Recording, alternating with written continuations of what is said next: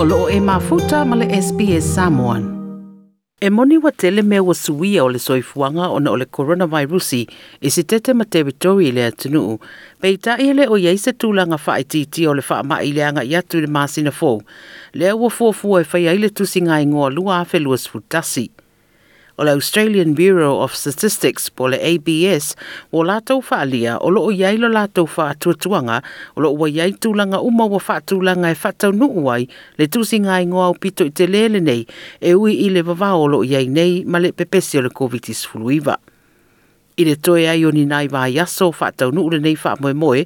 e ta i lima tau ma whaia wa wha ilo ai la tau rau wha fwe ina le tūlanga o le tūsinga ai e ngoi le tau sanga nei wa tau ma whaia wha masani a to ai fwoi ma le toa tele o tangata Australia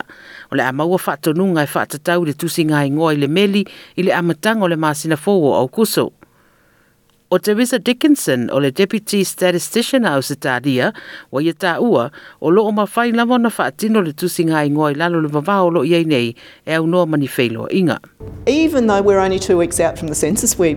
can't really predict the future. You know, things are changing for us so quickly. But in 2016, we got a really good response rate. We had a 95% response rate and we had really high quality data. And the Australian public has always got behind the census, and we're just hoping that this will be the case again. Pea a male fitu su lima pasene o tangata au setaria wa fua e fatu muina forms e lunga o pengata ta ilangi e ai ele o faya fa pe a mo tangata uma. Olo si la fia Dickinson e maasanyo na yei nisi o community e ese ese ngangana maanganu ai fa lango lango i se peso ta inga vavala lata e fa tau nu uaida tu singa ingoa. but they're working very, very hard at the moment to connect in with community groups, multi- multicultural groups, multilingual groups, and find other ways to get messages through to, to constituents. O le whaatonu le tusinga ingoa Georgia Chapman, o ia whaaria, e tāua tele na sira fia e tangata, pe wha pe whiona a wai. We are doing things like uh, Facebook live sessions in language, and each of our engagement managers is on the phone on video talking to individual community stakeholders to make sure they're aware the census is coming and how we can promote the support options available. o faamatalaga ma fesoasoani o loo mafai ona maua i le upega tafaʻilagi a le tusiga i gagana eseese e luasfuluiva faimai le abs o le faia o se tusiga i le taimi o le faamaʻi o se tala faasolupitu ae lē o se mea e leʻi faia muamua Se lau tau sanga talua i lea fifse lau lua tasi na whaia i fwoi le tusinga i ngoi le mai ai o le Spanish flu.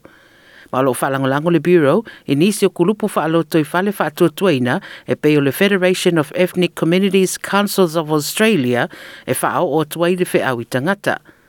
o le ofisasili o le kulupu Muhammad Al-Kafaji na ia whaalia wa tau whai a apane tangata e fesosoani le tusinga ingoa. I'm just really hopeful that uh, all the multicultural organisations out there start promoting the census now and um, start encouraging their members and uh, the um, communities to, to make sure that they're aware of the census and what the purpose of it is and how they can um, seek help if they need um, some help. Oi i lātou e i leto mai i le su su engo whai numera o lātou tā ua, e matua i tā ua le ao ina o wha matalanga i se taimi se wha ama i tele, e wha mautu wa i le suinga i le soifuanga o tangata au se tādia i ia fo i taimi.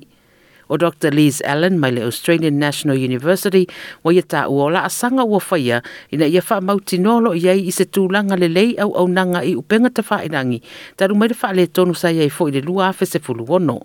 We're expecting that most Australians will complete their census online because of the pandemic.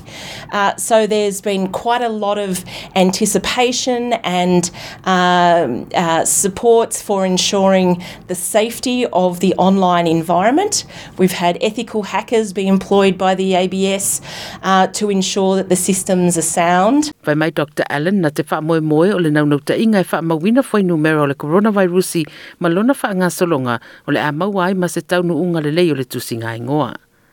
Housing affordability has indeed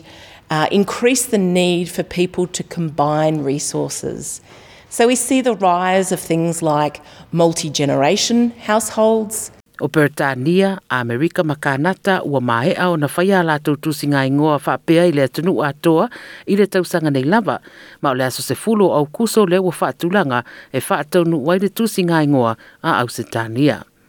O le nipote tū whatasia e Stephanie Cosetti ma Amelia Dan, ma ua whaaliwina i e lau lavangangana molo si la fia o le nei fo i nipote. Toi fia whaafafonga i nisi tala whapea? Toi fia whaafafonga i nisi tala whapea? faafofoga i le apple podcast le google podcast spotify ma po o fea lava e mauailau podcast